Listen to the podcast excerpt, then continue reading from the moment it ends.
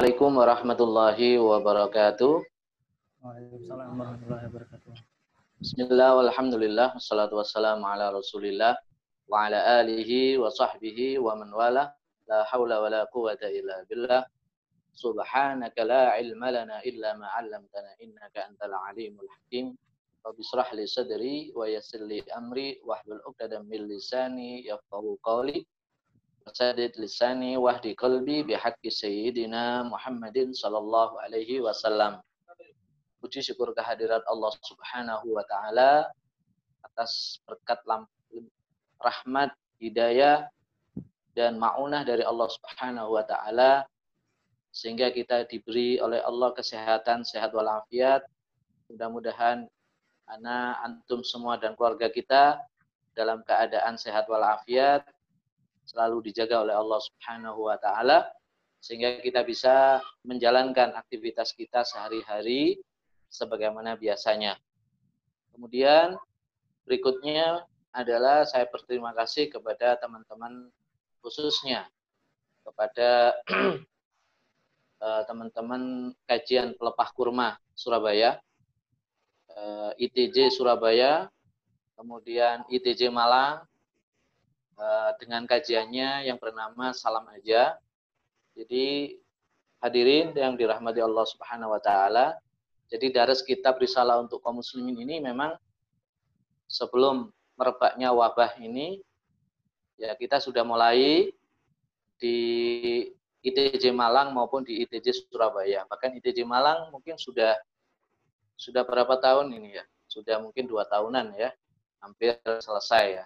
Kemudian di ITJ Malang dengan kajian pelepah kurma juga telah melaksanakan dares risalah untuk kaum muslimin ini sudah hampir mungkin hampir setahun ya, belum setahun ya. Nah, karena dengan kondisi kita seperti ini, dares tetap harus dilanjutkan, yaitu dengan cara secara online. Mudah-mudahan dengan segala keterbatasan tentunya, kita tidak bisa mengurangi untuk terus belajar mendalami ilmu-ilmu ilmu-ilmu menambah ilmu menambah pengetahuan kita tentang Islam dan tantangan pemikirannya. Baik, sebagaimana yang telah disampaikan tadi bahwa kita sudah sampai ya, kita sudah sampai pada perenggangan 24. Ini bagi teman-teman yang punya kitab risalah untuk kaum muslimin silakan dibuka halaman 68.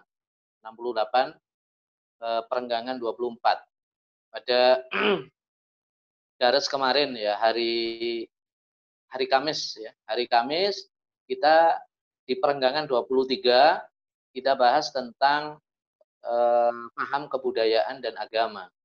Dan di perenggangan 24 ini Prof. Alatas masih menjelaskan tentang paham kebudayaan dan dan agama di situ ya. Jadi di sini dijelaskan eh, ini Mas Nayaka apa membaca atau di sini ada Rizal? Mas Nayaka membaca atau saya membaca? Atau langsung saya eh, terangkan gitu ya? Oke. Mungkin langsung diterangkan aja Ustaz, karena waktunya juga agak terbatas gitu. Nanti Oke. dibanyakan tanya jawabnya aja mungkin. Ya, baik.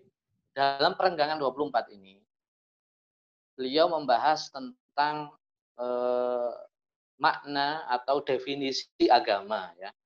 Yang sebelumnya di perenggangan-perenggangan sebelumnya telah disinggung ya.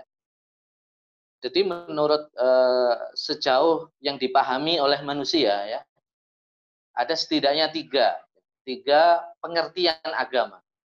Ya, nanti dikaitkan dengan konsep kebudayaan. Jadi di situ. Jadi beliau ingin akan membahas apa hubungan kebudayaan dengan agama di situ. Lalu kemudian hubungan Islam dengan agama. Apakah agama itu bagian dari budaya atau sebaliknya bahwa budaya itu sumber daripada e, sumber agama atau nanti kita menciptakan budaya itu sumbernya dari agama. Nah, nanti akan dijelaskan seperti itu. Prof. Alatas mem memulai ya, memulai pembahasan dengan pengertian agama.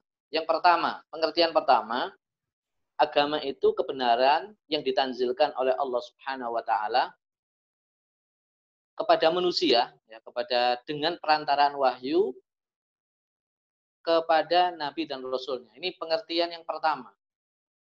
Jadi pengertian pertama saya ulangi bahwa agama adalah kebenaran yang ditanzilkan. Tanzilkan itu maksudnya adalah diturunkan. Dari ini dari bahasa Arab. Inna nahnu nazzalna dzikra wa inna lahu lahafidun. Ya. Ya. Tanzil itu turun.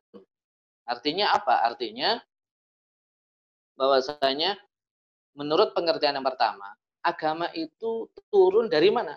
Dari Allah Subhanahu wa taala diberikan kepada manusia. Nah, melalui siapa? Melalui nabi dan rasulnya sebagai utusan, sebagai utusan. Itu yang pertama. Yang kedua, sehingga dengan pengertian pertama ini ada istilah ya, ada istilah agama samawi. Ya, ada istilah eh, agama samawi itu istilah dari Prof. Roshidi kalau nggak salah. Prof. Roshidi ada agama samawi, ada agama ardi, ya. Maksudnya agama samawi itu maksudnya bukan agama langit. Dari langit bukan. Maksudnya adalah agama yang tanzil. Ya, di sini Prof. Alatas uh, pakai istilah tanzil ya. Uh, dan ini sudah uh, sudah tepat ya. Tepat sesuai dengan petunjuk dari Al-Qur'an ya. Wa ma uh, inna nahnu nazzalna dzikra wa inna lahu lahafidun. Misalnya begitu. Menurutkan Al-Qur'an ya. Nah, pengertian yang kedua sekarang. Agama itu sehimpunan kepercayaan-kepercayaan tahayul. Ya, termasuk cara-cara melangsungkan ibadah atau upacara adat istiadat. Jadi agama itu kepercayaan tahayul. Ya, kepercayaan tahayul, ya. Kemudian ibadahnya itu dari, dari mana? Ya diciptakan, ya, diciptakan oleh manusia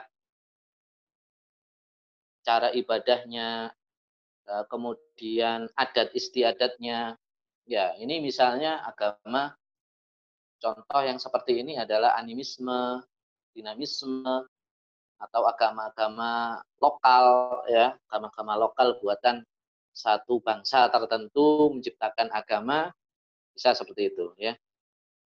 Terutama ya agama-agama yang Eh, kepercayaan-kepercayaan ya yang ada di Nusantara dahulu kala sebelum Islam datang, sebelum Hindu Buddha datang, ya di sini. Kemudian yang ketiga, agama itu sehimpunan pendapat. Ya. Jadi sini sehimpunan pendapat. Jadi kumpulan pendapat. Pendapat siapa? Ya.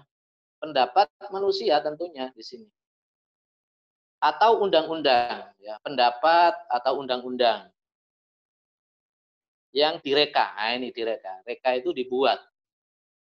Jadi, jadi ini buatan, buatan siapa? Buatan manusia. Rekayasa manusia. Dan disusun siapa? Oleh para bijaksana atau filosof, ya, ahli, ahli filsafat, ahli ahli pikir di situ. Untuk apa? Untuk keperluan kesejahteraan dan ketentraman halayak ramai masyarakat. Jadi untuk kepentingan kebaikan orang banyak, ya, supaya kehidupannya itu masyarakat menjadi tertib eh, dalam berbagai golongan dan lapisan masyarakat insan. Jadi itu tiga pengertian agama yang dipahami oleh manusia sejak zaman dulu sampai sekarang.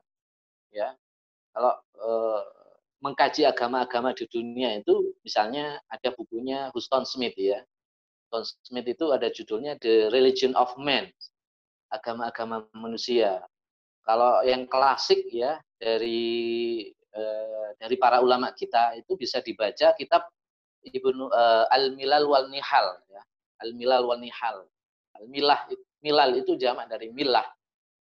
Jadi agama-agama wan nihal ya jadi segala macam uh, agama yang ada di dunia pada zaman itu, ya, pada zaman itu, kemudian segala kepercayaan-kepercayaan. Jadi kalau kepercayaan-kepercayaan ini menjadi satu terlembaga itu menjadi agama nanti. ya. Jadi, nah kita e, bisa bisa apa mengkaji itu ya, bisa mengkaji itu. Nah, kemudian dari ketiga pengertian itu ya, dari pengertian tiga pengertian agama tadi, Islam masuk mana? Kira-kira Islam masuk satu, dua atau tiga di sini. Nah, di sini Prof. Alatas e, mendudukkan perkaranya. Jadi diterangkan di sini bahwa agama Islam itu bukan hasil ciptaan manusia. Ya. Bukan hasil reka manusia. Ya.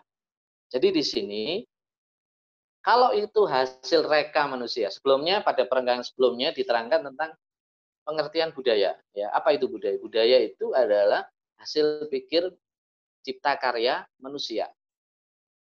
Ya. Nah, kemudian di perenggangan 23 perenggangan 23 menjelaskan apa? Menjelaskan budaya ada dua, ada budaya yang sifatnya eh, apa? zahir, ada budaya yang sifatnya batin di situ, ya. Nah, Islam tidak masuk kedua-duanya situ. Jadi Islam kalau begitu masuk kategori pengertian yang mana? Pengertian yang pertama. Ya. Pengertian yang pertama coba kita ulangi, agama itu kebenaran. Nah, di sini. Jadi pengertian tiga itu itu yang dipahami oleh manusia, seluruh manusia. Definisi ini definisi yang dipahami oleh manusia agama-agama di dunia ini. Nah, coba kita kembali kepada pengertian pertama, di mana Islam masuk pengertian pertama. Ya, ini supaya apa? Prof. Alatas menjelaskan ini, kenapa perlu menjelaskan ini? Untuk mendudukkan posisi Islam dengan agama-agama yang lain. Ya, ini cara Prof. Alatas membuktikan dari as dari sisi kebudayaan, dari sisi ini Islam itu tidak sama dengan agama-agama. Ya. Kemudian Prof. Alatas juga ingin menunjukkan bahwa Islam itu sebagaimana dikatakan dalam satu hadis Rasulullah Shallallahu Alaihi Wasallam, al Islamu ya'lu wa la yu'la alaihi. Artinya apa? Ingin menunjukkan Islam itu unggul. Apa keunggulan Islam dengan agama-agama yang ada di di bumi ini? Dengan agama-agama yang ada sekarang ini yang diyakini oleh umat manusia. Apa keunggulan Islam? Di sini Prof ingin menunjukkan dari aspek apa? Dari aspek kebudayaan. Dari sisi definisi itu sudah menunjukkan bahwa al-Islamu ya'lu. Ya. Artinya Islam itu tinggi. Artinya Islam itu di posisi yang yang mulia, ya yang mulia. Coba kita kembali kepada pengertian yang pertama. Islam itu kebenaran. Jadi di sini ada kata kebenaran. Ini mohon diperhatikan. Islam itu kebenaran. Nah, dari tiga definisi itu, ya, dua definisi, definisi kedua dan definisi ketiga, itu tidak memakai kata apa? kebenaran. Jadi Islam itu sebuah kebenaran yang asalnya dari mana? Yang asalnya tanzil dari Tuhan yang Maha Esa, yang Maha Kuasa, yaitu Allah Subhanahu wa taala. Dari sini menunjukkan bahwa Islam itu bukan budaya. Agama Islam itu tanzil. Kalau tanzil berarti ini yang mereka adalah Allah Subhanahu wa taala bukan manusia. Kalau itu tanzil, bahasa tanzil. Ya. Kemudian tidak sampai di situ kita lanjutkan pengertiannya bahwa agama is, agama itu kebenaran ditanzilkan oleh Tuhan kepada manusia. Perantaranya apa? Perantaranya wahyu kepada nabi dan rasulnya. Pengertian kedua, pengertian ketiga tidak ada di sini. Ya. Melalui wahyu. Jadi bentuknya kebenaran itu yang berasal dari Allah Subhanahu wa taala bentuknya adalah wahyu. Nah, kita wahyu adalah Al-Qur'an dan Al-Qur'an sudah terjamin. Ya, dijamin oleh Allah Subhanahu wa taala sampai nanti hari kiamat. Ya. melalui nabi dan rasulnya. Ya, melalui nabi dan rasulnya. Jadi di situ ya. Jadi apa wahyu itu bahasa Islam. Ya. Itu bahasa Islam, bahasa Arab Islam. Rasul itu bahasa Arab Islam. Terjemahnya adalah utusan di sini. Jadi jadi ini bahasa yang e, dipakai oleh e, kita semua sampai hari ini. Jadi bahasa yang berasal dari dari konsep Islam. Ya, ini sudah menunjukkan bahwa tidak bisa Islam itu dipandang sebagai produk budaya. Ya. kalau misal kalau apa tokoh liberal Arab dari Mesir ya itu namanya Nasir Hamid Abu Zaid. Nasir Hamid Abu Zaid mengatakan bahwa Al-Quran itu muntat sakofi. Ya. Al-Quran itu produk budaya. Jadi Nasir Hamid ya ingin membangun satu pemahaman untuk mensejajarkan agama Islam dengan agama-agama yang lain itu dengan cara membuat konsep baru, pengertian baru tentang Al-Quran. Jadi supaya Islam ini sama dengan agama-agama yang lain, yaitu produk budaya, maka Al-Quran yang harus e, diubah pengertiannya yaitu dengan pengertian bahwa Al-Quran itu produk budaya muntad sakofi. Jadi apa yang diinginkan? Yang diinginkan adalah Islam itu bukan tanzil. Nah, kalau Al-Quran itu muntad sakofi, ya bukan wahyu lagi. Namanya wahyu itu tanzil dari Allah kepada Nabi. Itu khas. Selain itu bukan. Selain itu bukan disebut wahyu. Maka kita semua orang manusia yang bukan Nabi, ya tidak bisa menerima wahyu karena kita bukan nabi dan rasul. Kita hanya bisa menerima ilham. Kita hanya bisa menerima ilmu hikmah yang diberikan oleh Allah Subhanahu wa taala. Namanya bukan wahyu. Tapi bisa ilham, bisa apa ilmu hikmah. Nah, di sini ya pengertian yang kedua dan ketiga yang telah kita katakan sebagaimana membayangkan kelaziman anutan kebudayaan barat dan pengalamannya dalam bidang keagamaan. Jadi dalam e, perenggangan yang lain, ya itu Prof. Alatos sangat jelas itu. Atau dalam buku Islam dan Sekularisme sangat jelas bahwasanya agama agama Yahudi dan agama Kristen itu agama budaya. Itu muntasakofi, ya. Jadi itu muntasakofi, produk budaya. Ya. Agama yang tidak diasaskan oleh tanzil dari Allah melalui nabinya. Tidak, itu produk budaya. Ya, produk budaya manusia, ya. Nah, hal-hal yang seperti ini ya, hal-hal seperti ini bisa dibuktikan dari aspek sejarah bisa, dari aspek teologi bisa. Ya, banyak kajian-kajian seperti ini. Jadi aspek teologi misalnya. Ya, aspek teologi antara kitab suci Al-Qur'an dengan kitab Injil, dengan kitab Taurat boleh kita adu misalnya. Boleh kita bandingkan, buat perbandingan, ya. Ya.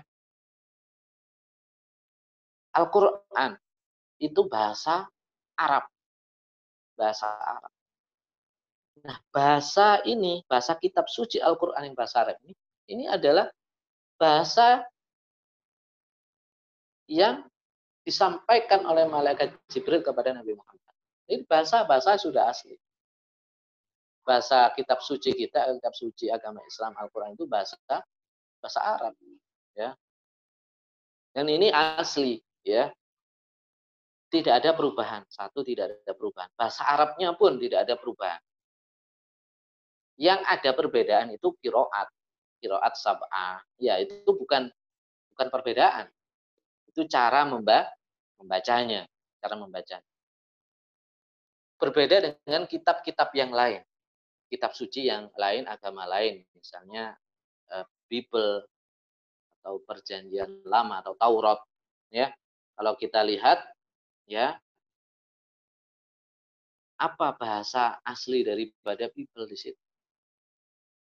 Para teolog, para ilmuwan dari barat, dari Kristen, itu masih berdebat ya. Bahasa yang digunakan oleh Yesus. Bahasa yang digunakan oleh Nabi alaihis Nabi Isa alaihissalam itu kira-kira bahasa apa? Ya bahasa apa?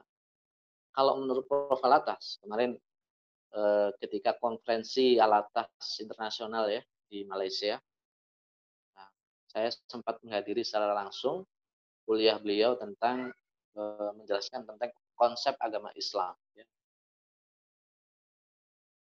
ya. Di situ dijelaskan ya. Pendapat bahwa bahasa Bible dan Taurat itu bahasa Hebrew itu masih masih spekulatif, masih simpang siur. Maksudnya tidak ada kesepakatan. Apakah benar? Kalaupun itu bahasa Bible ya, bahasa Hebrew itu bahasa Bible, ya. Bahasanya itu sudah tidak sama dengan bahasa bahasa Hebrew. Sekarang ini yang digunakan oleh negara Israel ya sekarang. Tidak sama. Itu telah mengalami perubahan-perubahan. Ya telah mengalami perubahan-perubahan. Dan itu perubahan-perubahan yang ah salah satu ciri eh, kebudayaan itu adalah selalu berubah mengikuti perkembangan zaman mengikuti perkembangan kebutuhan manusia, mengikuti perkembangan pikiran manusia. Ya. Itu ciri kebudayaan. Ya. Makanya kalau kita kaji ya agama eh, agama lain misalnya agama Nasrani itu ada satu buku yang berjudul The, The Evolution of Christian, evolusi Kristen. Jadi kata kunci, salah satu kata kunci dari agama Kristen adalah evolusi. Perubahan-perubahan seperti itu. Nah perubahan-perubahan ini, perubahan bukan dalam aspek yang yang bahasa Islam itu bahasa kita adalah furu, enggak. Tapi e, perubahan itu dalam aspek teologi. Nah Islam tauhidnya tetap, teologinya tetap tidak berubah. Bahkan konsep adab, konsep akhlak itu tidak berubah dalam Islam. Yang berubah adalah al-mutaghayyirat. Aspek-aspek buruk. Aspek-aspek yang eh, tidak fundamental dalam agama di situ ya. Nah, kalau agama-agama yang lain itu mengalami perubahan-perubahan. Jumlah Tuhan saja bisa berubah. Ya. ya artinya kembali kepada tadi bahwa perbandingan tadi tiga kitab suci ya. Nah, ternyata dari aspek bahasa pun Islam itu menang. Al-Quran itu unggul. Ya. Kemudian, kalaupun itu bahasa Hebrew misalnya, Bible itu bahasa Hebrew itu bahasa asli. Nah, sekarang bahasa ke, apa Bible yang versi Hebrew yang asli itu mana sekarang? Mereka berdebat di situ. Tidak ada kesepakatan. Sampai sekarang menjadi sesuatu yang misteri sehingga ada penulis barat dan seorang teolog yang sampai menulis uh, menulis artikel ya. Artikel atau buku bisa di bisa dicari di searching. Who is the right Bible? Siapa penulis Bible itu? Artinya siapa yang mengarang Bible itu siapa gitu dan kalau pertanyaan ini diajukan ke dalam Al-Quran tidak ada. Pertanyaan yang salah. Siapa yang menulis Al-Quran? Ya. Kalau menulis uh, huruf Al-Quran banyak. Gitu. Artinya kalau siapa yang mengarang Al-Quran? Tidak ada. Nah, maka di sini para pemikir-pemikir liberal macam Nasr Hamid Abu Zaid, Arkun, ya dan lain-lain itu membongkar Al-Quran. Itu dalam rangka apa? Ada ada tujuan-tujuan teologis. Ya tujuan teologisnya adalah ingin mendudukkan Islam itu sama kedudukannya dengan agama-agama yang lain yaitu produk budaya. Ya. Itu tujuan utamanya. Yang kedua adalah ingin apa? Ingin supaya aspek-aspek teologi dalam Islam itu bisa diubah, ya, bisa diubah. Ya, misalnya uh, ada ide-ide, ada usulan beberapa, waktu yang lalu ya, tahun beberapa tahun yang lalu misalnya eh, haji itu diubah waktunya, bukan di bulan Dzulhijjah, tapi di bulan-bulan yang lain. Nah, mereka ini supaya ingin membu eh, membuat perubahan-perubahan dari aspek teologi, maka Al-Qur'an harus diputar terlebih dahulu. Ternyata tidak tidak mampu, ya, tidak mampu. Jadi di situ. Kemudian dari segi nama ya, dari segi nama Islam ya, nama Islam itu sangat khas ya. Nah, kemarin Prof Alatas juga menjelaskan dalam kuliahnya di konferensi internasional itu, beliau menjelaskan bahwa eh, sekali lagi bahwa eh, nama Islam itu nama yang di apa yang diberikan oleh Allah Subhanahu wa taala secara langsung kepada Nabi Muhammad kepada ajaran Nabi Muhammad itu secara langsung melalui Al-Quran. Di mana sebelumnya tidak ada orang menggunakan kata al-Islam. Bahkan orang Arab pun tidak menggunakan kata al-Islam sebelumnya. Padahal al-Islam itu bahasa Arab ya. ya. Aslama yuslimu islaman. Tapi orang Arab dari para penyairnya, para pemikirnya sebelumnya tidak pakai kata al-Islam. Ini sama persis dengan nama Muhammad. Kata Muhammad. Ya, ini dari bahasa Arab. Ya. Bahasa Arab. Di mana nama ini tidak pernah digunakan oleh orang Arab sebelumnya. Sebagai sebuah nama. Bahkan kemarin Prof. Alatas menjelaskan di situ. Kata al-Islam dan kata Muhammad itu tidak digunakan, tidak pernah diucapkan oleh orang Arab sebelum Islam.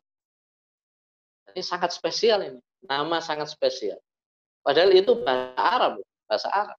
Ya, kalau Nabi, Muhammad dari kata Hamada yuhammidu tahmidan, tahmidan, tahmadan, Muhammadan. Si maf'ul ya, yang sering eh, apa?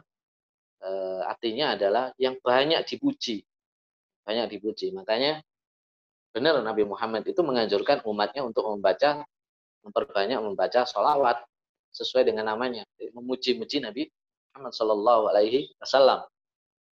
Di, di situ beda dengan nama agama yang lain, agama yang lain. Yahudi itu dari diambil dari mana? Dari nama satu bangsa, ras. Ya, ada yang mengatakan begitu. Ada yang diambil dari nama seseorang. Ya. Kemudian Kristen juga begitu ya Nazaret ya. Itu diambil dari satu nama daerah. Kemudian ada agama yang diambil dari nama tokohnya. Misalnya nama Bud agama Buddha ya. Ada satu agama yang diambil dari nama tempat nama sungai ya. Satu nama tempat Hindu Hindustan sungai Hindu. Hindus uh, Hindustan ya Hindustan. Kalau al-Islam itu bukan nama orang, bukan nama tempat, bukan nama benda, tapi ini langsung Allah yang memberi, ya. Inna tina indallahi Islam wa may yabtaghi ghairal Islam dinan fala yuqbal minhu. Nah, itu. Kemudian ya. Nah, ini penting pemahaman-pemahaman seperti ini eh, penting ya kita eh, jadi jadi semakin yakin dengan agama kita ya. Jadi semakin yakin makin ke, eh, keyakinan kita makin kuat tentang agama kita eh, kemudian makin apa kita percaya diri dengan agama kita. Harus kita harus percaya diri lah. Agama itu agama Islam itu kalau dikaji dari keunggulan-keunggulannya luar biasa ya. Bahasa Al-Qur'an itu bahasa yang eh, bahasa Arab yang digunakan oleh Al-Quran ini ya luar biasa. Bahasanya bahasa Arab ya, bahasa Arab itu sangat berhutang kepada Al-Quran. Jadi ada panduan, jadi panduan berbahasa ya. Jadi orang berbahasa fusha, ya. berbahasa yang baik dan benar itu namanya bahasa fusha. Ya. Orang berbahasa Arab yang baik dan benar itu baik dari aspek gramatikanya, dari aspek pengucapannya, itu semua harus merujuk kepada Al-Quran.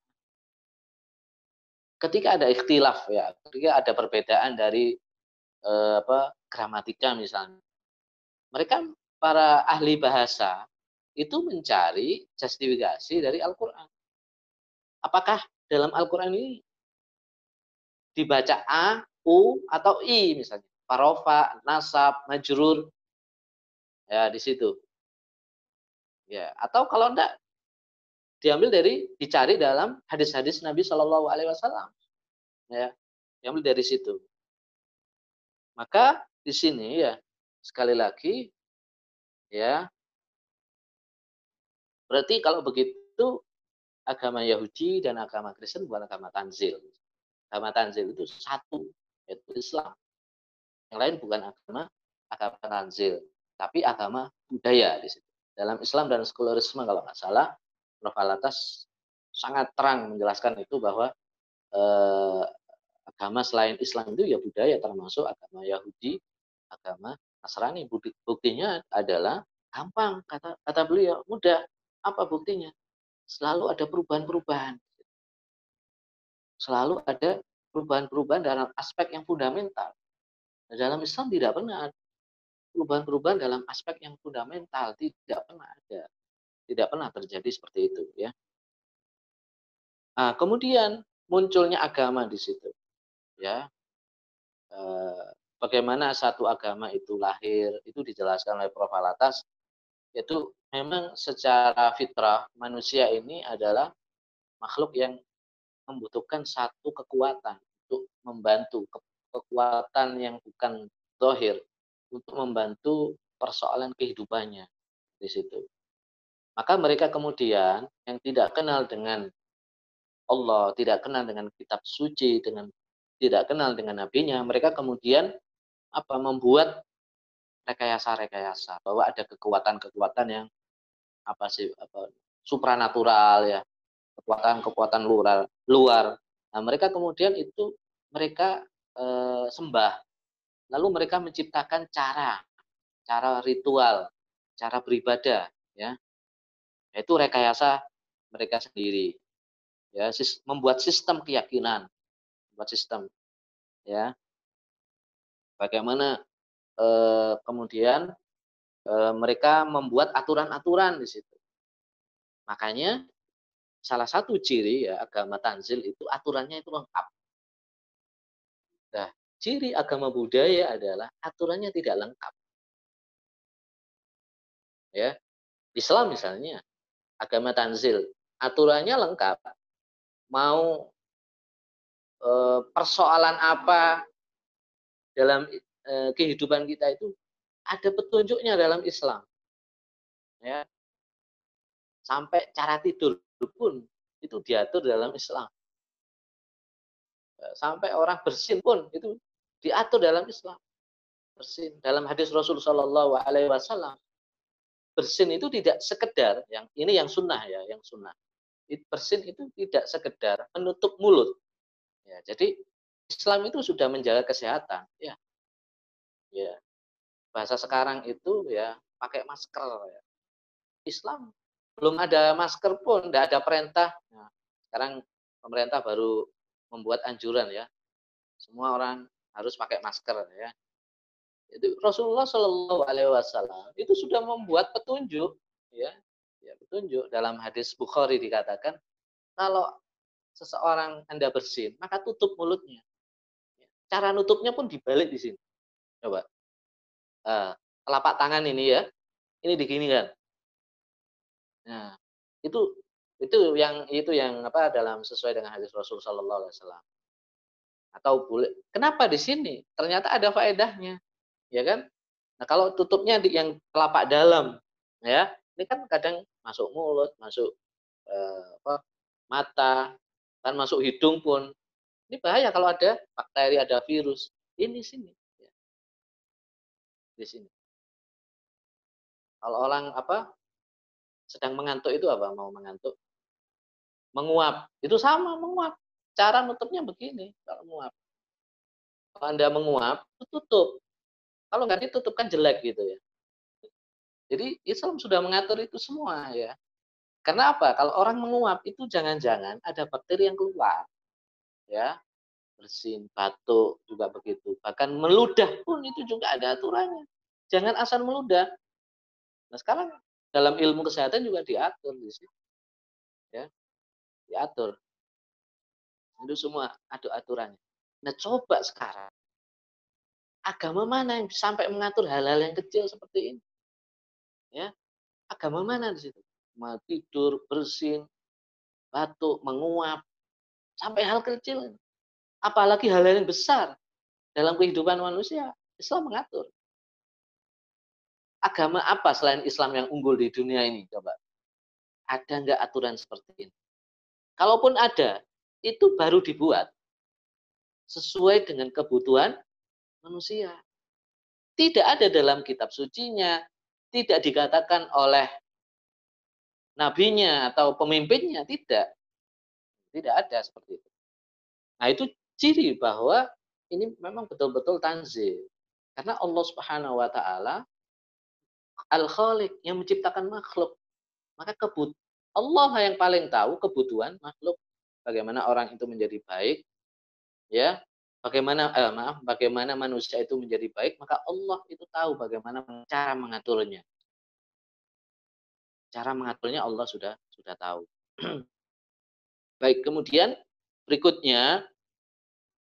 Bagi kita maka pendapat yang mereka kemukakan tentang kebudayaan itu ya tentang itu semua menjelaskan perkara-perkara yang sebenarnya merupakan akibat atau hasil dari hakikat kebenaran dibayangkan oleh agama. Maksudnya adalah begini. Kenapa ter, e, tercipta satu agama? Itu karena ada sebab karena sebab, sebab tertentu ya manusia ada persoalan kemudian butuh solusi ya butuh jawaban maka jawaban dan solusi itu nanti itu menjadi aturan agama ciptaan manusia. Lalu kalau ditanyakan dalam Islam apa solusi atau sebab ini semua? Semua sebab itu dari Allah Subhanahu wa taala. Beliaulah yang menciptakan semuanya, ya mengatur semuanya. Uh, di sini memang benar bahwa kenyataannya ayat-ayat suci Al-Quran menegaskan yaitu bahwa alam semesta dan diri insan dan sejarah kesemuanya merupakan bahan ilmu. Namun demikian kita mengatakan bahwa ilmu yang dimaksudkan itu hanyalah sesungguhnya ilmu yang tiada tersia-sia apabila dia mendapatkan kaitan yang sedia antara segala perkara yang merujuk kepada ilmu, pengenalan dan pengetahuan dan secara itu dengan Allah Subhanahu wa taala di situ. Nah, di sini makanya kebudayaan apa pun bentuknya harus dikaitkan dengan Allah Subhanahu wa taala. Harus dikaitkan dengan apa? Harus dikaitkan dengan e, sang pencipta. Ya, jadi budaya apa pun ya itu landasannya harus teologis, ya harus punya landasan teologis, ya. Ya manusia boleh membuat kreasi-kreasi kebudayaan, eh, tetapi semua harus berlandaskan kepada Allah Subhanahu wa taala. Artinya harus berdasarkan aturan-aturan dari Allah. Jika ada budaya yang bertentangan dengan aturan Allah, maka jangan teruskan. Maka di sini yang betul adalah mengislamkan budaya, bukan membudaya, bukan apa? Mengislamkan budaya, Islamisasi budaya di situ, bukan budayaisasi Islam, ya. Mengislamkan budaya, jadi budaya Islam tidak melarang eh, budaya, ya.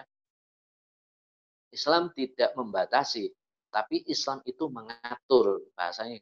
Jadi bahasa membatasi itu keliru. Kalau menurut saya itu tidak tepat. Ya, kalau Islamisasi budaya, budaya harus diislamkan. Berarti Islam membatasi dong hasil karya cipta manusia. Enggak.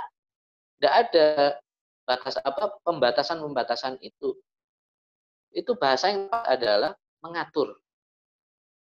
Mengatur. Karena kita itu orang Islam, orang beragama, ya. Karena tempat sesuatu lembaga untuk mengatur manusia yang terbaik itu apa? Agama. Kalau kita ingin menjadi baik, maka kembali kepada agama. Kalau pikiran kita itu menjadi baik, maka kembali pada agama. Kalau budaya itu menjadi, menjadi baik, maka harus kepada budaya itu berdasarkan kepada agama. Jadi ini dalam rangka diatur supaya budaya itu menjadi budaya yang baik. Baik untuk siapa? Budaya baik untuk manusia, masyarakat, dan untuk dirinya. Bukan pembatasan.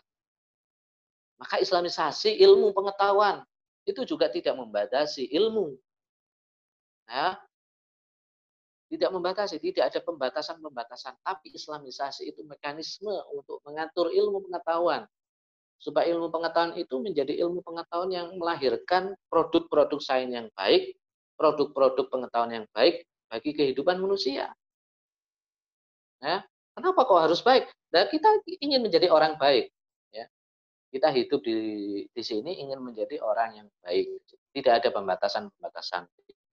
Jadi eh, salah kalau dikatakan itu pembatasan-pembatasan. Sehingga eh, dalam konteks budaya dan agama ini ya terakhir maka eh, yang betul adalah misalnya isu-isu yang sekarang ya kadang-kadang orang nggak hati-hati menggunakan istilah kemudian para pembaca atau masyarakat kita juga tidak kritis ketika ada istilah-istilah baru yang kayaknya uh keren istilah yang kayaknya ilmiah, yang kayaknya uh ini baru, ya padahal itu fatal.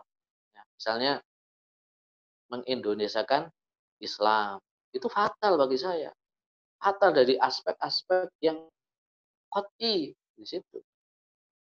Itu sampai pembahasan isu ini, pembahasannya dalam aspek koti. Ini bukan aspek buruk lagi, ini konsekuensinya itu sangat fatal yang betul adalah mengislamkan Indonesia. Jadi kalau mengindonesiakan Islam, berarti mengubah aspek-aspek Islam yang sudah tanzil dari Allah, dibuat dengan sesuai budaya Indonesia. Jadi Islam mengikuti budaya. Ya. Bukan budaya itu mengikuti Islam. Kalau Islam mengikuti budaya Indonesia, maka tidak boleh ada larangan ketika ada budaya-budaya baru, misalnya budaya-budaya membuka aurat. Agak boleh itu dilarang. Sebab apa? Sebab Islam harus mengikuti budaya, bukan sebaliknya. Ya. Yang benar adalah e, budaya harus mengikuti Islam. Ya kalau ada budaya-budaya yang membuka aurat, ya maka harus ditutup auratnya sesuai aturan Islam. Ya. Dan menutup aurat ini eh, adalah satu bentuk peradaban. Ya. Orang buka aurat itu orang tidak berperadaban. Jadi eh, seperti hewan, ya hewan, monyet. Mana ada monyet yang pakai pakaian? Mana ada kambing yang pakai pakaian gitu? Tidak ada. Manusia saja yang pakai pakai baju. Nah, kalau manusia itu ikut-ikut tidak pakai baju, maka dia mengikuti peradaban monyet kan gitu, peradaban hewan, hewani ya. Makanya eh, gambaran orang-orang eh, kalau eh, orang-orang dahulu, orang-orang eh, manusia apa, manusia purba itu kan tidak pakai baju kan gitu ya, atau Tarsan ya. Nah, Eh, persoal apakah itu benar apa tidak ya cerita Tarsan kan nggak pakai baju ya. ya itu menunjukkan satu peradaban yang yang yang apa yang rendah ya peradaban yang tidak beradab peradaban yang tidak beradab peradaban rendah nah, kalau eh, kalau ada satu budaya budaya itu hanya pakai koteka maka harus pakai ditutup pakai baju ya pakai celana pakai baju dari situ. Nah, bukan dibiarkan yang seperti itu. Ya, jadi eh, apa Islam itu Islam eh, seperti itu apa eh, pemahamannya. Jadi budaya harus mengikuti mengikuti Islam. Jadi eh, mengislamkan budaya. Islam budaya kalau budaya itu sudah diislamkan, insya Allah budaya itu menjadi baik. Tidak ada dalam Islam itu sesuatu yang tidak baik, tidak ada. Tidak ada. Semua bisa menjadi baik. Aturan-aturan Islam itu baik ya baik ya, secara manusiawi itu menjadi baik di hadapan manusia menjadi baik di hadapan Tuhan Allah Subhanahu wa taala juga menjadi baik. Jadi saya kira itu eh, tentang penggalan 24 tentang paham kebudayaan dan agama. Mudah-mudahan ada manfaatnya. Saya kembalikan kepada Mas Nayaka Yoga sebagai moderator. Terima kasih. Assalamualaikum warahmatullahi wabarakatuh. Waalaikumsalam warahmatullahi wabarakatuh. Baik, terima kasih kepada Ustaz Halili. Uh, mungkin teman-teman ada yang ingin bertanya bisa pakai fitur raise hand ya. Terus uh, ini mumpung mumpung rame juga dan kita dapat jadi buat teman-teman yang ingin bertanya bisa hand dan kita langsung tanya secara live ya. Jadi teman-teman akan juga untuk tanya secara live. Uh, sebentar. Ini saya mulai dari Mas Dika ya. Ya silahkan Mas Dika. Mas Dika di unmute dulu, di unmute dulu Mas.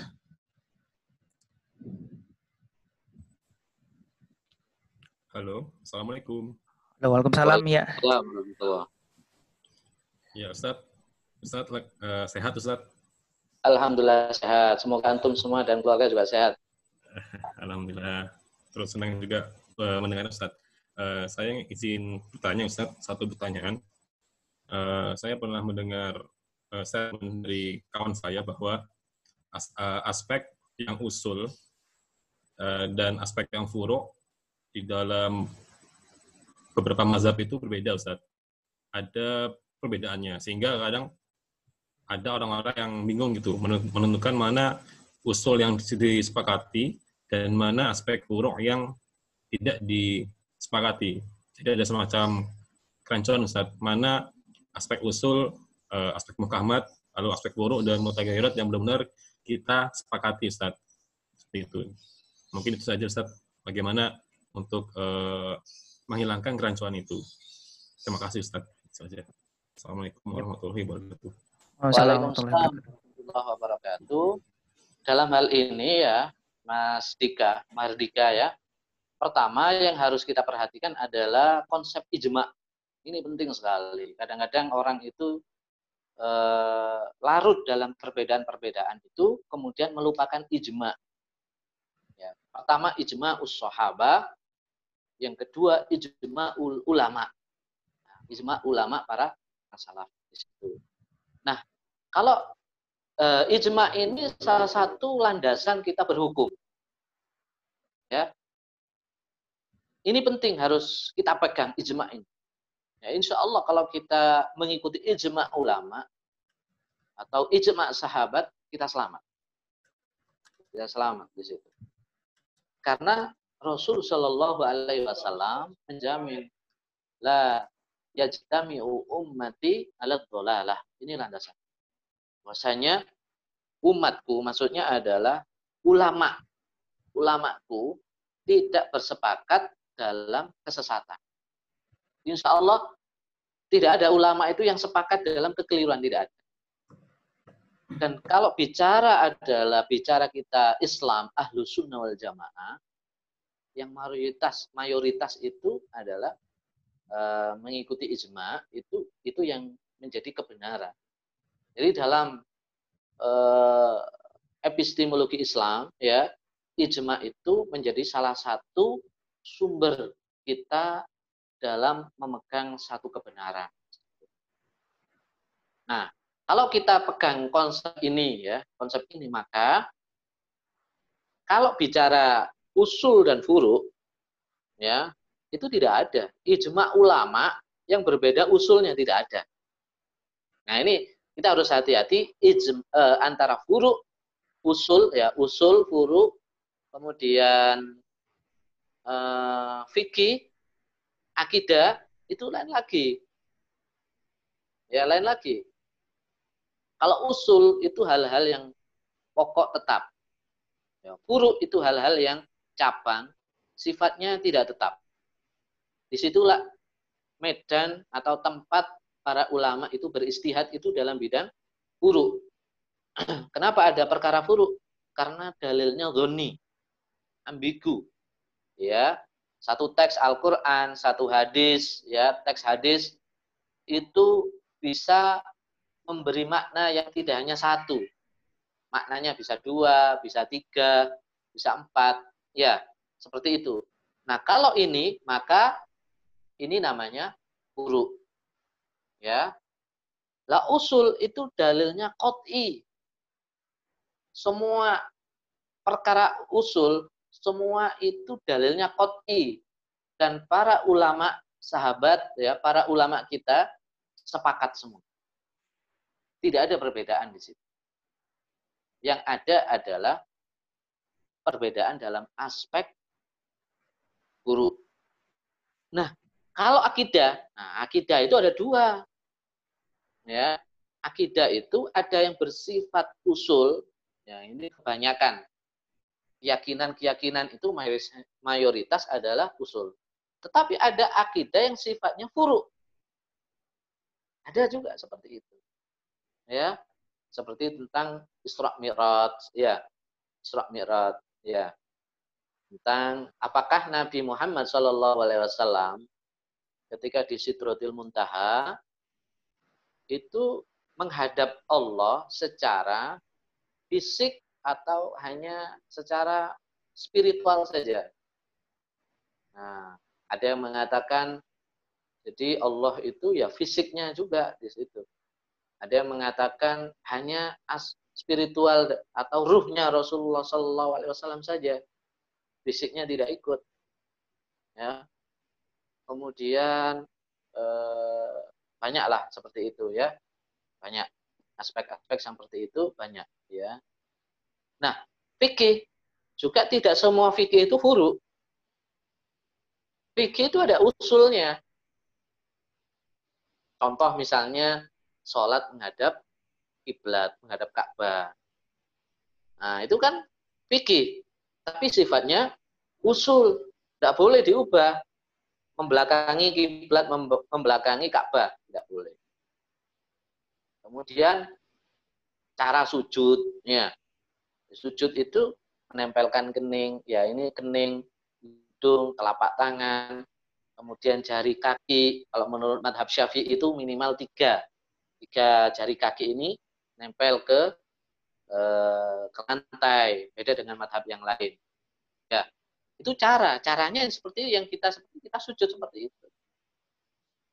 Itu namanya sujud. Ya. Tidak boleh sujud itu kemudian diubah menjadi apa? Dosor misalnya begitu ya. Ya, saya bikin apa? istiadat baru ya. Kemudian doa sholat, bacaan sholat itu usul ya. Maka ketika ada e, di lawang tahun berapa itu 2000 2005 ya 2004 2005 ada orang membuat sholat berbahasa Indonesia sesat itu melanggar perkara usul bukan furu lagi. Ini dalam fikih. Ya jadi seperti itu ya. Jadi tidak ada perbedaan. Kalau nah kalau misalnya nah kalau misalnya ada perkara furu kemudian dinilai usul itulah penyimpangan. Penyimpangan. Atau ada perkara usul kemudian dinilai atau diyakini menjadi buruk itulah penyimpangan persoalan kemudian adalah perkara-perkara buruk dianggap usul. Nah itu juga melanggar ijma. Melanggar ijma ya. Itu tidak itu kekeliruan. Keliruan itu bisa nyimpang bisa salah ya. Keliru itu bisa salah bisa nyimpang, bisa kufur. Bisa dipahami ya, Mas Dika? Iya. Ya mungkin kita lanjut Ustaz ya, karena tidak ada ya. uh, respon dari Mas Dika. Ya kita lanjut dengan Mas Lubab ya. Jangan lupa nanti uh, perkenalkan diri terlebih dahulu ya, dengan siapa dan dari mana. Ya, silahkan Mas Lubab. Di unmute dulu. Ya, Bismillahirrahmanirrahim. Assalamualaikum Ustaz. Waalaikumsalam warahmatullahi Iya, uh, saya pakai audio aja Ustaz ya. Uh, Saya ada dua pertanyaan Ustaz. Uh, terkait yang pertama, tadi Ustaz sedikit menjelaskan uh, tentang bagaimana Islam itu uh, dari awal sampai akhir dia konsisten, berbeda dengan agama-agama uh, lain yang uh, mengalami perubahan sesuai dengan uh, kebutuhan dan uh, proses sejarahnya begitu Ustaz. Nah, tadi Ustaz sedikit menjelaskan tentang uh, agama Kristen. Kan kalau agama Kristen kita tahu sejak awal memang sudah uh, sudah bingung dengan konsep teologinya. Nah, cuman yang saya belum dapat banyak referensi itu Ustaz terkait mm, dengan agama Yahudi. Uh, mungkin Ustaz bisa sedikit menjelaskan tentang uh, perbedaan dan perubahan konsep teologi agama Yahudi dan pertentangan-pertentangan yang terjadi di situ atau mungkin bisa memberi sedikit referensi buku yang bisa dikaji Ustaz. Karena sampai saat ini belum banyak uh, pengetahuan yang sampai ke saya tentang uh, konsep teologi Yahudi yang pertentangan itu Ustaz. Itu yang pertama Ustaz.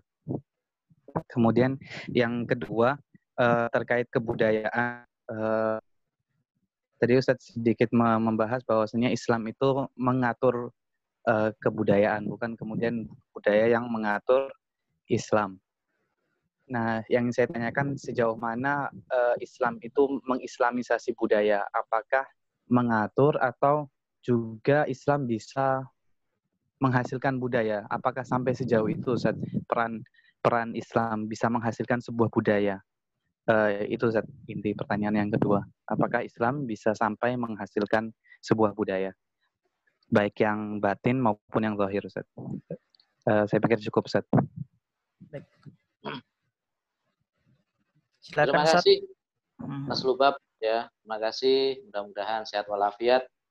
Uh, tentang agama Yahudi uh, ada satu buku yang ditulis oleh Ahmad Shalabi sudah diterjemahkan ke dalam bahasa Indonesia. Saya pernah baca tapi lupa judulnya.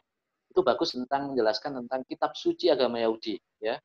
Kitab suci agama Yahudi itu ternyata agama Yahudi itu Eh, kan agama Yahudi itu agama ini ya, agama sifat daripada Yahudi agak beda lah dengan Kristen ya. Kristen itu uh, ketika abad ke beberapa tiga atau empat masehi ya itu membuka diri artinya uh, di, di perenggangan sebelumnya dijelaskan ya juga bahwa profil atas menurut profil atas agama Kristen itu meniru agama uh, Islam dari segi apa? Dari segi uh, mengubah ya sifatnya ya.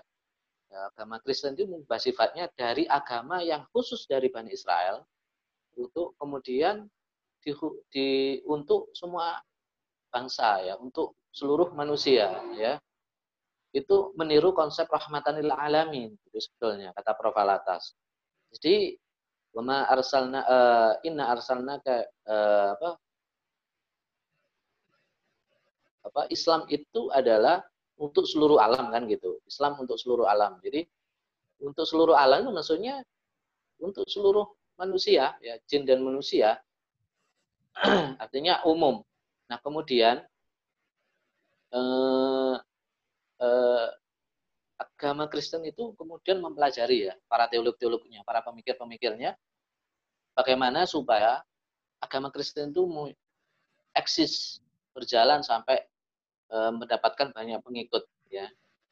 Akhirnya mereka membuka ya membuka. Artinya ya artinya kemudian membuat ajaran baru bahwa Kristen itu juga untuk semua bangsa ya. yang sebelumnya hanya eksklusif satu bangsa yaitu Bani Israel sama dengan agama Yahudi. Sehingga Kristen kemudian berubah menjadi agama yang agama misi ya. Eh, kata Profalatas sifat daripada Kristen menjadi agama misi itu sebetulnya meniru, meniru Islam. Sejak awal Islam itu sudah agama misi, ya, agama dakwah. Islam itu sejak awal lahir diturunkan itu disampaikan untuk seluruh manusia, tidak hanya bangsa Arab saja. Sejak awal lahir eh, ajaran Nabi Muhammad Shallallahu Alaihi Wasallam. Nah, adapun Yahudi itu sampai sekarang masih menjadi agama yang eksklusif bahkan eh, cenderung rasialis kan, sehingga akses untuk eh, pendalaman-pendalaman Yahudi itu tidak sama dengan tidak semudah dengan akses eh, pendalaman dari referensi-referensi agama Kristen. Sehingga pustaka-pustaka tentang Yahudi ya tidak semudah ya mencari kita pustaka-pustaka tentang agama Kristen apalagi di di apa di masyarakat kita di negara kita ya atau di negara-negara yang di mana agama Yahudi tidak diakui sebagai agama resmi. Nah, di situ dari berbagai itu ada satu buku yang ditulis oleh Profesor Ahmad Salafi itu buku bagus. Saya lupa bisa dicari tentang agama Taurat, namanya Torah ya. Itu di situ dijelaskan eh, kontradiksi ya, kontradiksi kontradiksi daripada agama Yahudi. Ya, agama Yahudi. Nah, sebetulnya Bible itu kan ada dua ya. Bible itu ada dua, perjanjian lama dan perjanjian baru. Perjanjian lama itu sebetulnya milik Yahudi. Ya. E, apa Taurat. Nah, perjanjian baru itu milik Kristen, Injil. Nah, Injil sama Taurat dijadikan satu menjadi Bible. Jadi Bible itu sebenarnya dua kitab suci. Jadi orang Kristen juga membaca, ya. Baca. Tapi dalam agama Yahudi, ya, menolak konsep yang dibuat oleh orang Kristen terutama penggunaan istilah. Jadi orang Yahudi tidak mau dikatakan ini perjanjian lama, the, the Old Testament. Mereka tidak mau. Di, uh, mereka maunya ya perjanjian apa kitab sucinya adalah Taurat atau bahasa mereka Torah. Ya.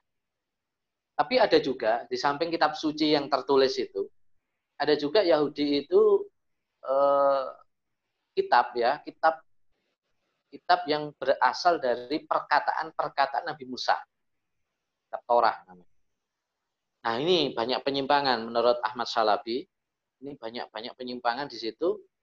Bahkan eh, tradisi-tradisi kabalisme. Jadi, apa itu kabalisme? Apa tradisi yang merujuk kepada eh, tradisi-tradisi kuno di Mesir yang menyembah menyembah setan, menyembah ini, tradisi-tradisi pagan, kabalisme, sihir. Nah, sihir-sihir itu masuk di situ. Masuk. Ini juga jadi pegangan uh, orang Yahudi. Bahkan orang Yahudi cenderung pada memegang ini, yang memegang yang tradisi oral dari Nabi Musa. Kononnya dari Nabi Musa ya. Bahasa umat Islam itu hadis. Hadis. Itu juga menjadi kitab suci agama Yahudi di situ. Saya kira buku itu sangat bagus ya, sangat bagus.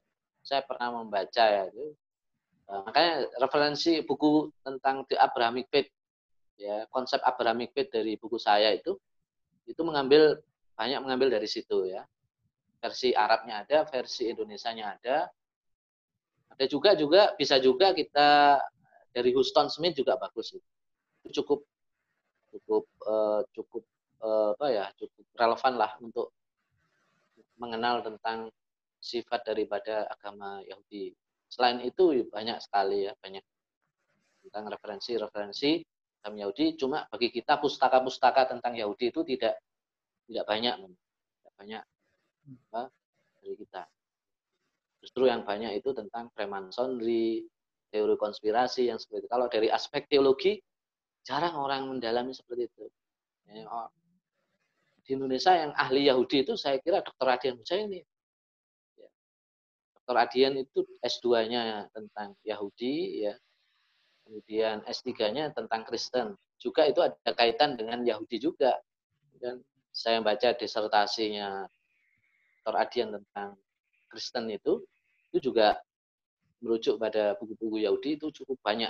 Nah, kalau di Istek, nah kalau di Istek lengkap. Kalau kita pergi ke perpustakaan Istek, itu sangat kaya pustaka-pustaka Yahudi mulai dari tahun yang lama sampai tahun yang modern yang sekarang itu sangat lengkap. Ya, cuma itu eksklusif. Ya. Cuma tidak banyak orang mengakses itu. Ya. ya saya kira itu jadi, jadi kalau kita baca dari bukunya Ahmad Salabi, bukunya Ahmad Salabi itu terjemahan ya. Terjemahan ya. Asalnya dari bahasa Ibrani, kemudian diterjemahkan ke dalam bahasa Arab. Nah, yang bahasa Indonesia ini terjemahan dari Ahmad Salafi dari bahasa Arab. Nah, kalau kita baca itu banyak sekali uh, apa uh, apa teologi-teologi yang uh, saya kira agak agak lucu ya. Misalnya begini, Allah itu setelah menciptakan, Allah itu istirahat, kemudian melihat laut, ya di situ laut itu ada ikan-ikan yang apa cari oksigen itu yang keluar itu kan. Seperti ikan apa? Apa ikan apa Rizal? ikan paus itu yang cari oksigen.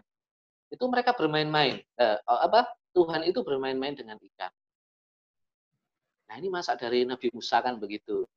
Jadi ini ini dari cerita para rahib-rahib gitu sebetulnya jadi kemudian di di mix atau dicampur dengan tradisi-tradisi kuno dari Mesir Kemudian yang kedua tentang apa tadi tentang, tentang kebudayaan ya. ya. Sejauh mana Islam mengislamisasi budaya dan apakah bisa Islam menciptakan budaya? Oh iya, Islam itu bisa menciptakan budaya baru bisa, ya. baru bisa. Jadi yang diislamisasi itu apa? Aspek buruknya, aspek apa?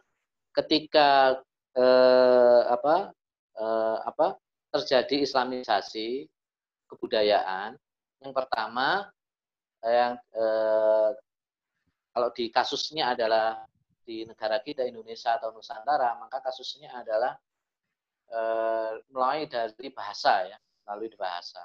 Dan itu bertahap. Biasanya bertahap. Islamisasi budaya itu bertahap, tidak secara eh, langsung ya, tidak secara langsung. Misalnya melalui bahasa. Bahasa dulu karena bahasa itu mempengaruhi pikiran, ya, mempengaruhi pikiran. Baru kemudian eh, aspek-aspek luaran, ya misalnya perilaku, kemudian budaya-budaya yang sifatnya al-tohir, baru itu kemudian diislamkan.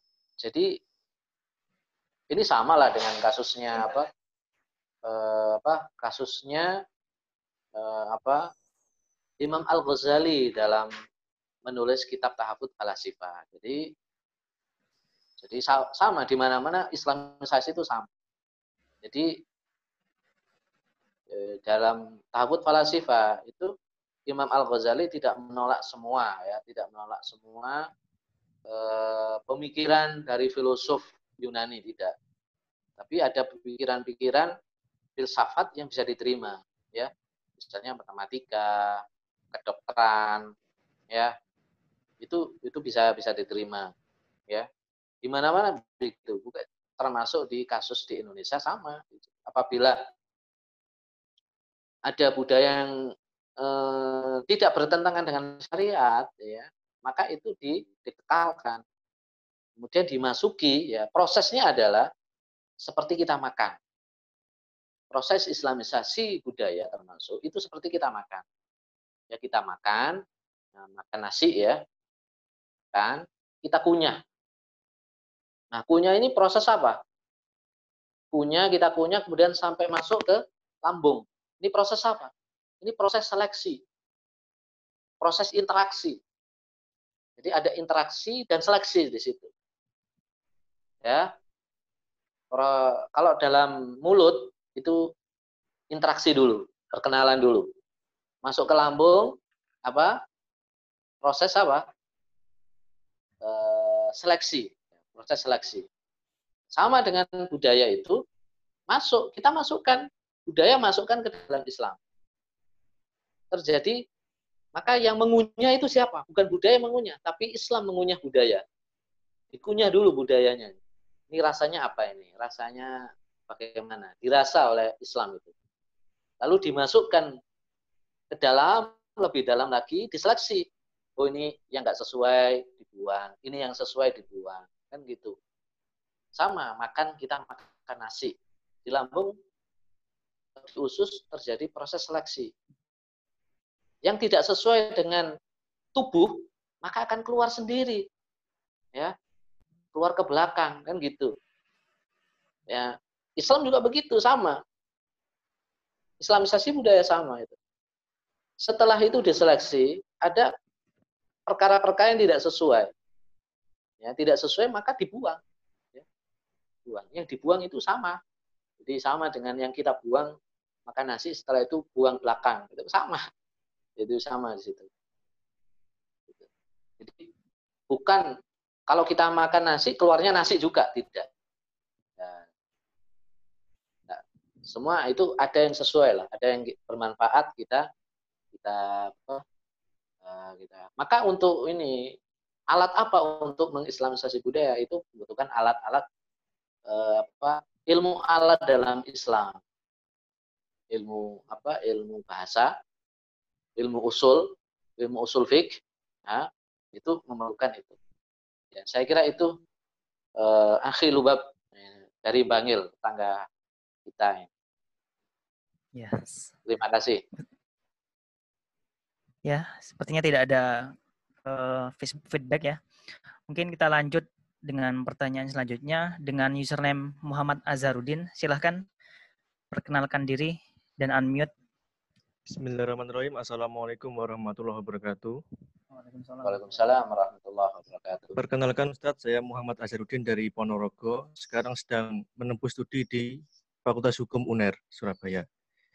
Jadi begini Ustadz, saya akan bertanya sedikit tentang budaya dalam sistem kenegaraan yang berlaku di negara-negara Islam mulai dari zaman pertengahan hingga zaman sekarang. Dahulu pada abad awal-awal itu yang populer adalah budaya sistem ketatanegaraan yang berbentuk kerajaan. Nah, sedangkan setelah masuk era modern, sistem kerajaan tadi berubah menjadi sistem republik. Apakah itu juga termasuk budaya, Ustadz? Mengingat ada beberapa ulama yang menyatakan bahwa antara agama dengan negara itu sesuatu yang integral. Jadi harus berbentuknya kekhalifahan atau daulah Islamiyah. Seperti itu, Ustaz. Mas Azharuddin dari Fakultas Hukum ya? Oke, Ustaz. Oh iya, iya. Terima kasih, Mas Azhar. Nah, jadi tentang uh, sistem negara, ya ini termasuk jadi pertanyaan pertama dari Mas Dika itu kan bicara usul dan buruk ya. Bicara pertanyaan tentang usul buruk. Nah, sistem negara ini masuk usul apa buruk?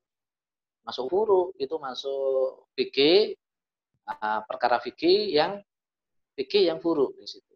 Artinya tidak usul, tidak usul.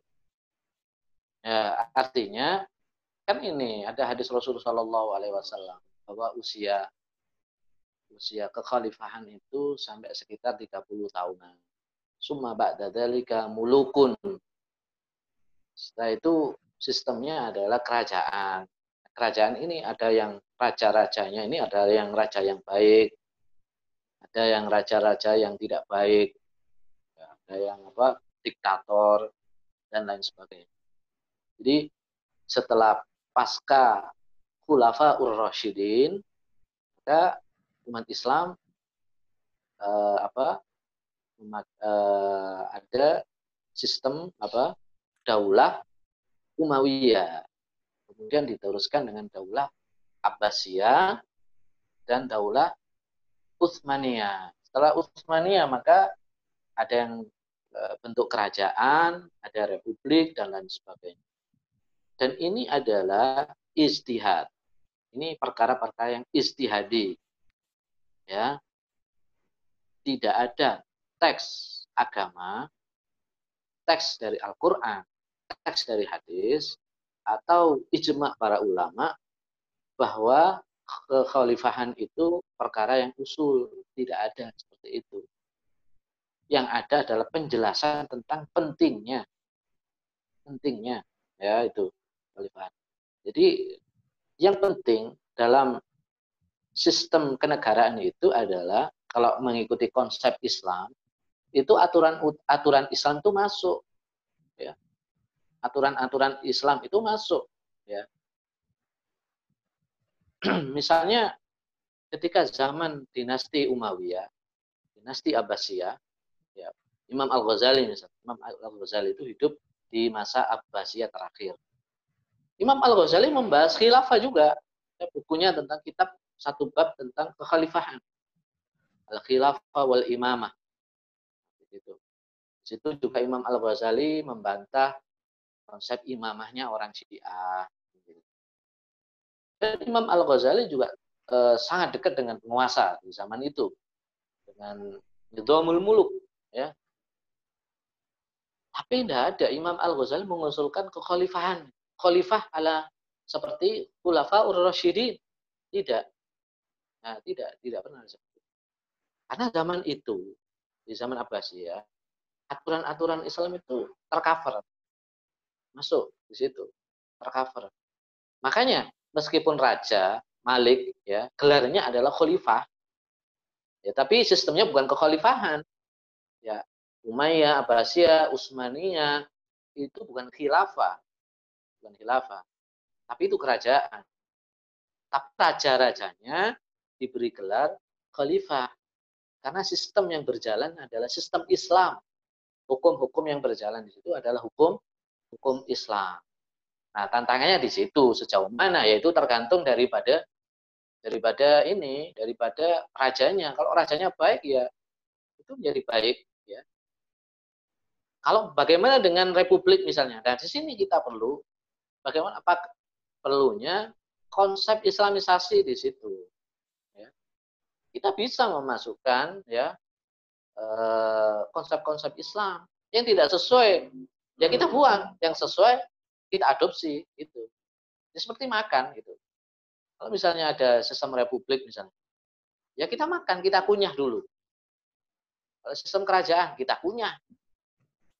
Nah, masing-masing republik mana yang terbaik kerajaan atau republik? Nah, itu itu persoalan diskusi ilmu hukum ya, ilmu hukum internasional yang Mas Azharuddin lebih paham daripada itu ya. Nah, yang jelas kalau kita perspektif Islam, yang penting itu hukum Islam masuk. Ya. Khalifan itu masalah furu. Masalah usul itu konsekuensinya adalah iman dan kufur. Ya, iman dan kufur. Kalau kita membolehkan misalnya, apakah sholat membelakangi Ka'bah itu boleh? Dan itu kita yakini, kita bisa kufur. Apakah sholat yang wajib itu hanya tiga waktu terus kita yakini kita bisa kufur karena itu perkara usul. Nah, kekhalifahan tidak. Kalau kekhalifahan, kalau khilafah itu perkara usul, maka para ulama banyak yang kufur itu. Konsekuensinya kan begitu. Para ulama mendiamkan itu. Mulai zaman dulu ulama-ulama dulu, ulama-ulama salaf dulu. Mulai zaman Abu Hanifah, ya Imam Malik, Imam Syafi'i, Imam Hambali, dan seterusnya. Kita keliru semua konsekuensinya. Tidak seperti itu. Nah, makanya yang menjaga dunia ini adalah Islam. Dunia Islam itu adalah para ulamanya dengan ilmunya. Tetap eh, integrasi agama dengan daulah ya, itu perlu kata Imam Al Ghazali itu sesuatu itu bagaikan saudara kembar. Saudara kembar yang tidak bisa dipisah. Ini maksudnya perkataan Imam Ghazali apa? Saudara kembar yang tidak bisa dipisah. Maksudnya adalah harus integral. Islam ya dengan daulah itu harus integral. Artinya apa? Apa bentuk integralisasi daulah dengan Islam? Antara lain masuknya hukum-hukum Islam ke dalam sistem kenegaraan. Sistem kenegaraan kita itu kan kesepakatan saja kesepakatan. Saya kira itu jawaban yang jawaban saya ya. Mudah-mudahan bisa dipahami. Ya. Kalau tidak ada feedback, kita bisa lanjut ke pertanyaan selanjutnya. Kita ada waktu sampai setengah tiga, Ustadz ini. Iya, sampai setengah tiga aja. Ya, ini uh, dengan username Rizwan Santoso, silahkan di-unmute dan bisa perkenalkan diri terlebih dahulu. Ya, Assalamualaikum warahmatullahi wabarakatuh. Waalaikumsalam warahmatullahi wabarakatuh. Saya Rizwan, Ustadz, saya dari Depok. Uh, pertanyaan, uh, singkat pertanyaan saya, uh, apakah uh, jadi itu saja apakah Islamisasi itu mengharuskan atau mewajibkan misalnya uh, Arabisasi? Uh, uh, itu maaf, aja pertanyaan saya. Uh, sekian. Suaranya tadi terputus ya? Ya. Iya. Suaranya tadi terputus. Oh iya. bisa. Hmm. Uh, entar. pertanyaan saya, apakah Islamisasi mengharuskan Arabisasi? Uh, itu saja Ustaz pertanyaan saya. Apakah Islamisasi itu mengharuskan atau mewajibkan Arabisasi? Uh, itu aja. Oh ya, ya. Uh, gimana? Ya, ya, ya sekian. Assalamualaikum warahmatullahi wabarakatuh. Waalaikumsalam warahmatullahi wabarakatuh. Silakan. Terima kasih. Silakan Ustaz. Rizwan. Ustadz Rizwan ya, ini dari Depok, dari pesantren At-Taqwa. Pesantrennya Dr. Adian ya, yang saya ini. Jadi eh, Profesor Wan pernah mengatakan ya, Islamisasi itu bukan Arabisasi. Islamisasi itu bukan mengarabkan semuanya. Tidak. Tetapi dalam Islamisasi karena Islam itu tidak bisa lepas dari Arab, ya. Itu konsekuensinya maka unsur-unsur Arab masuk. Tetapi unsur-unsur Arab itu unsur-unsur Arab yang Islam. Sudah sudah masuk di situ. Sehingga tidak eh, tidak selalunya ya, tidak selalunya bahwa Islamisasi itu menghasilkan satu bentuk yang eh, berbahasa Arab, sesuatu yang berbahasa Karena dimasukkan ketika Islamisasi itu yang masuk adalah pandangan hidup Islam apa Islamic worldview. Jadi ketika terjadi Islamisasi bahasa, ini satu contoh. Bahasa Melayu diislamkan, ya yang terjadi adalah bukan sekedar mengganti bahasa Melayu menjadi bahasa Arab, bukan yang lebih penting itu adalah memasukkan pandangan hidup Islam melalui bahasa ke dalam pikiran masyarakat Melayu Nusantara di situ. Jadi memasukkan pandangan hidup Islam ke dalam pikiran orang melalui bahasa. Karena bahasa Islam itu konsep-konsep Islam itu berbahasa Arab, otomatis terjadi pengarapan. Terjadi pengarapan dalam beberapa aspek.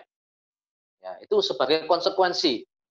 Pengarapan itu konsekuensi daripada Islamisasi itu. Ya. Sehingga tidak semuanya e, berbahasa Arab. Ya, contoh misalnya para ulama kita itu tetap menggunakan kata surga, kata neraka. Nah, kata surga, kata neraka ini bahasa Sanskerta. Sanskerta tidak diganti dengan jannah dan tidak diganti dengan anar.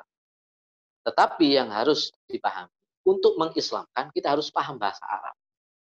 Karena bahasa Arab itu bahasanya bahasa Islam.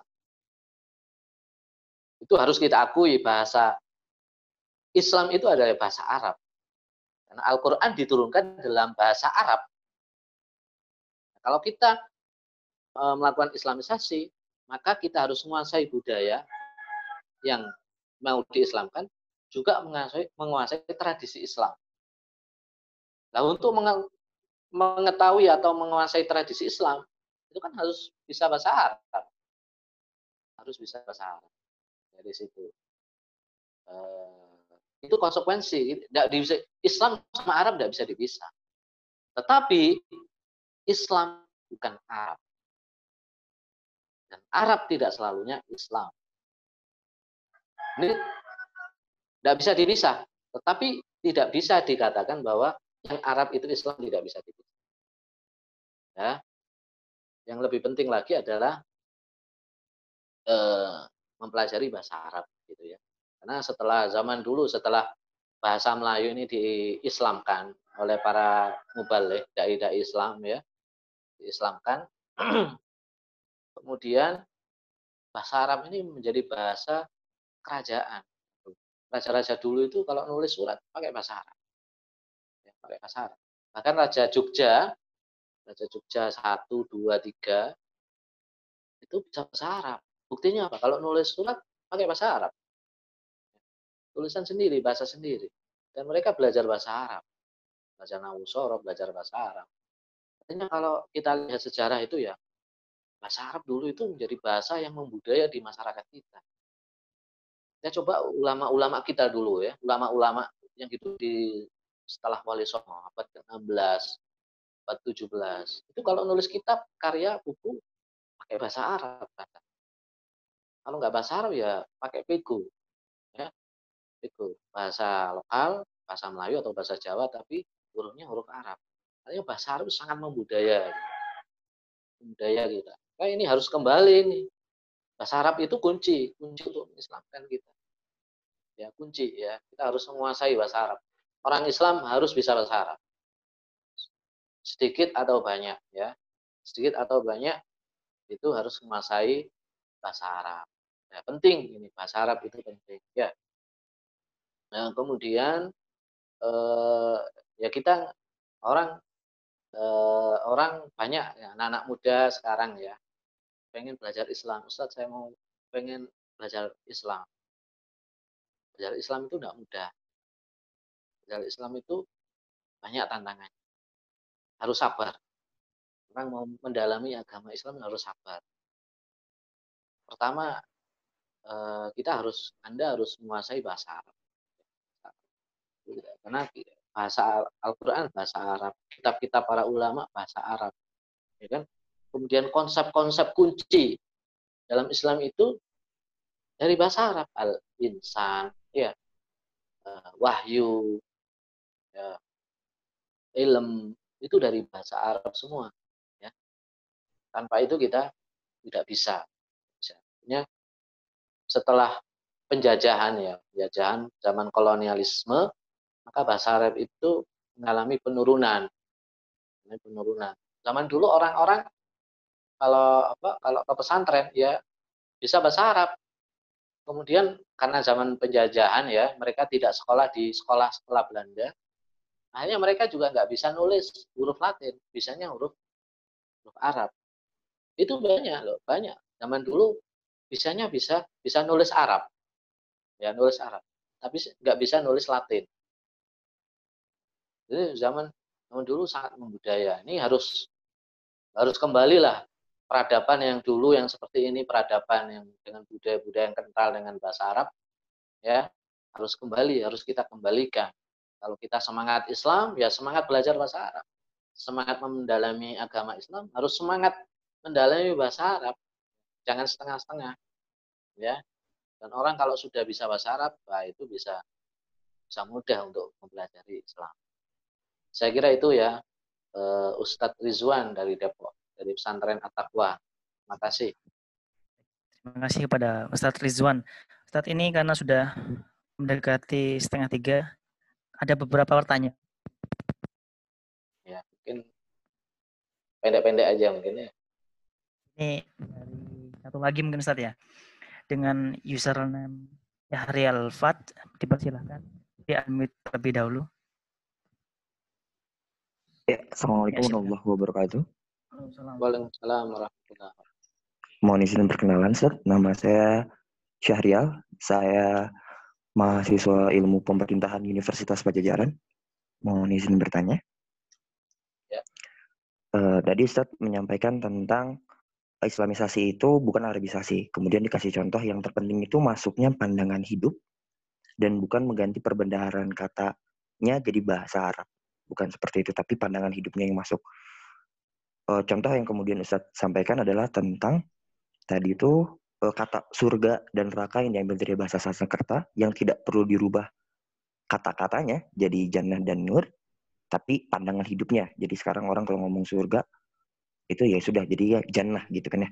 Kalau yang harus sampai dirubah tuh contohnya apa ya dalam perbendaraan Melayu kah atau uh, yang lain begitu jadi Islamisasi ini benar bahwa bahasanya memang ini kayaknya nggak mendidik begitu kepada uh, orang-orangnya. Jadi sehingga ketika pandangan hidup Islam masuk, maka itu harus diganti. Itu contohnya apa, Ustaz?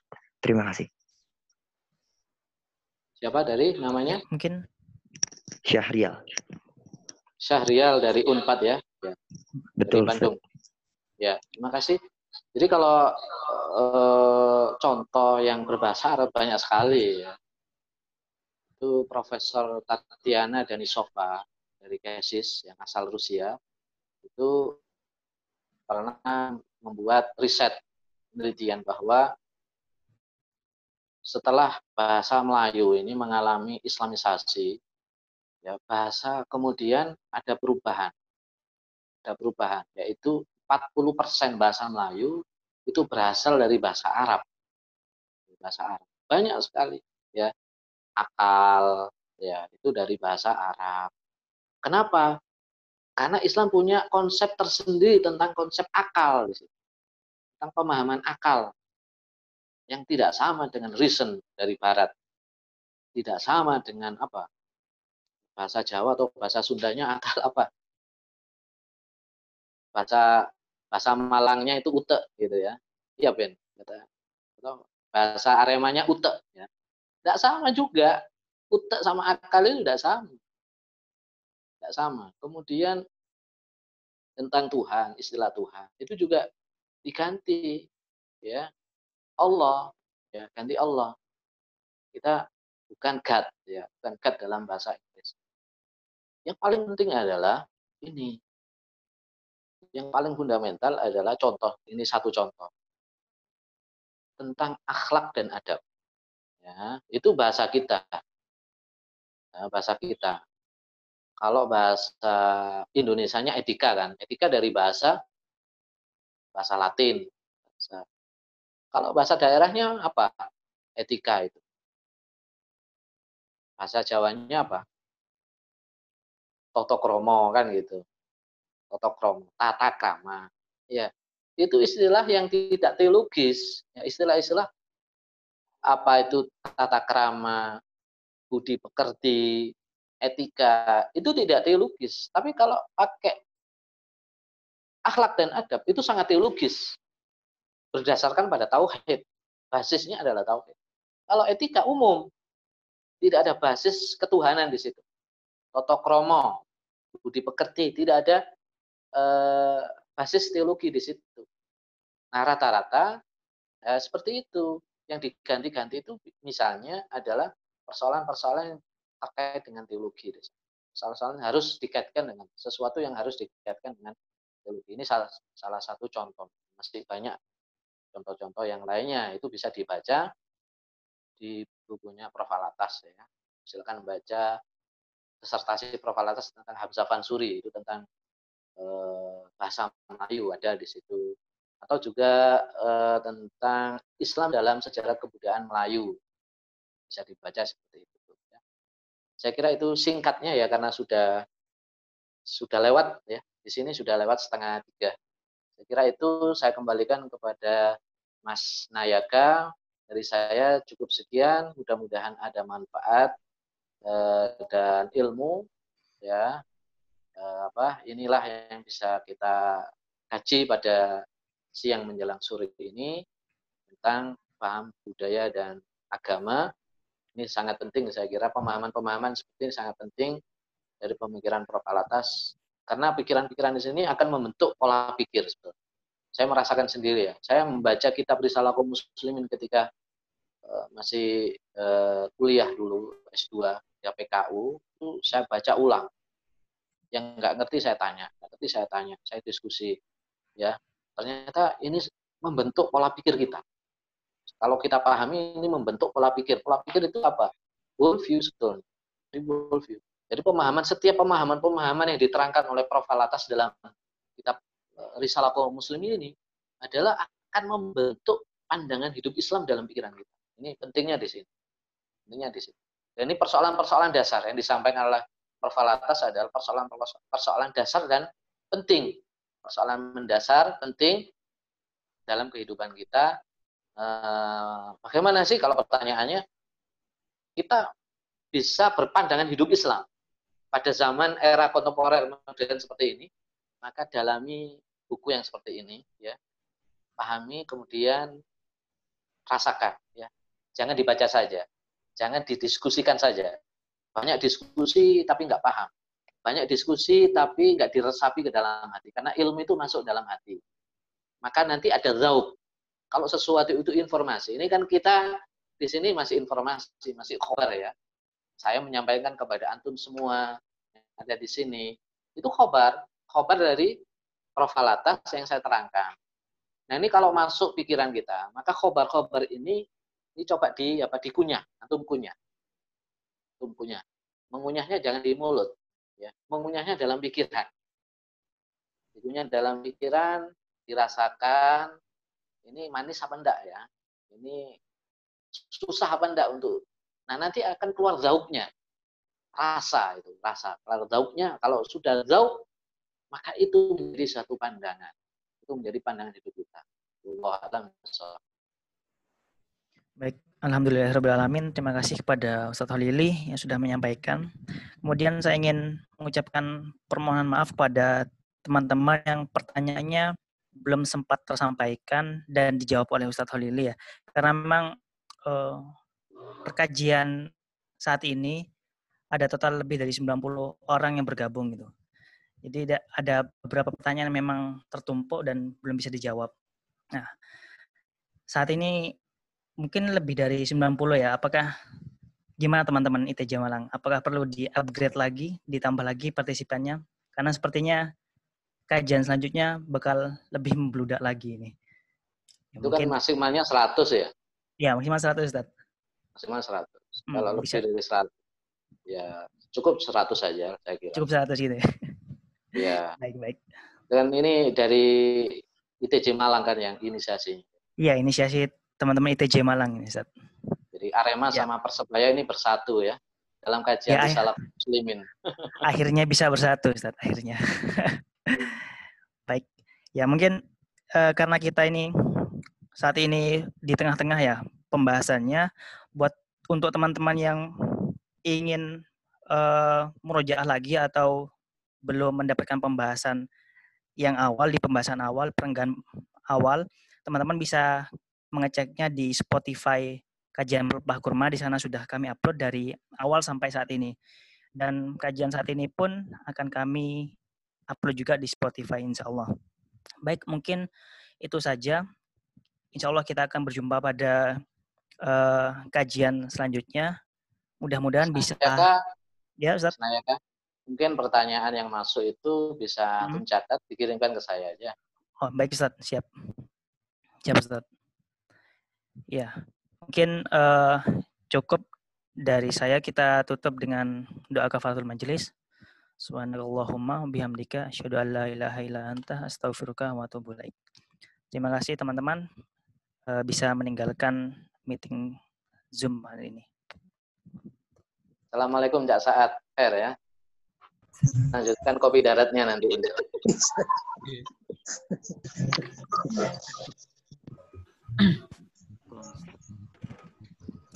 Terima kasih. Terima kasih banyak Ustaz.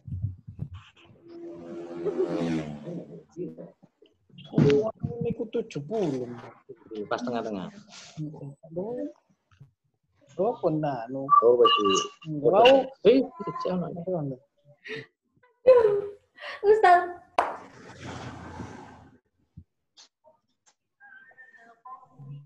Masih Oh, kalau sempat 89 loh. Mantun anu, mantun ini apa? Kajian. Kasih kajian mau kalau tinggal 89. Enggak ada nomor ya, satu dua.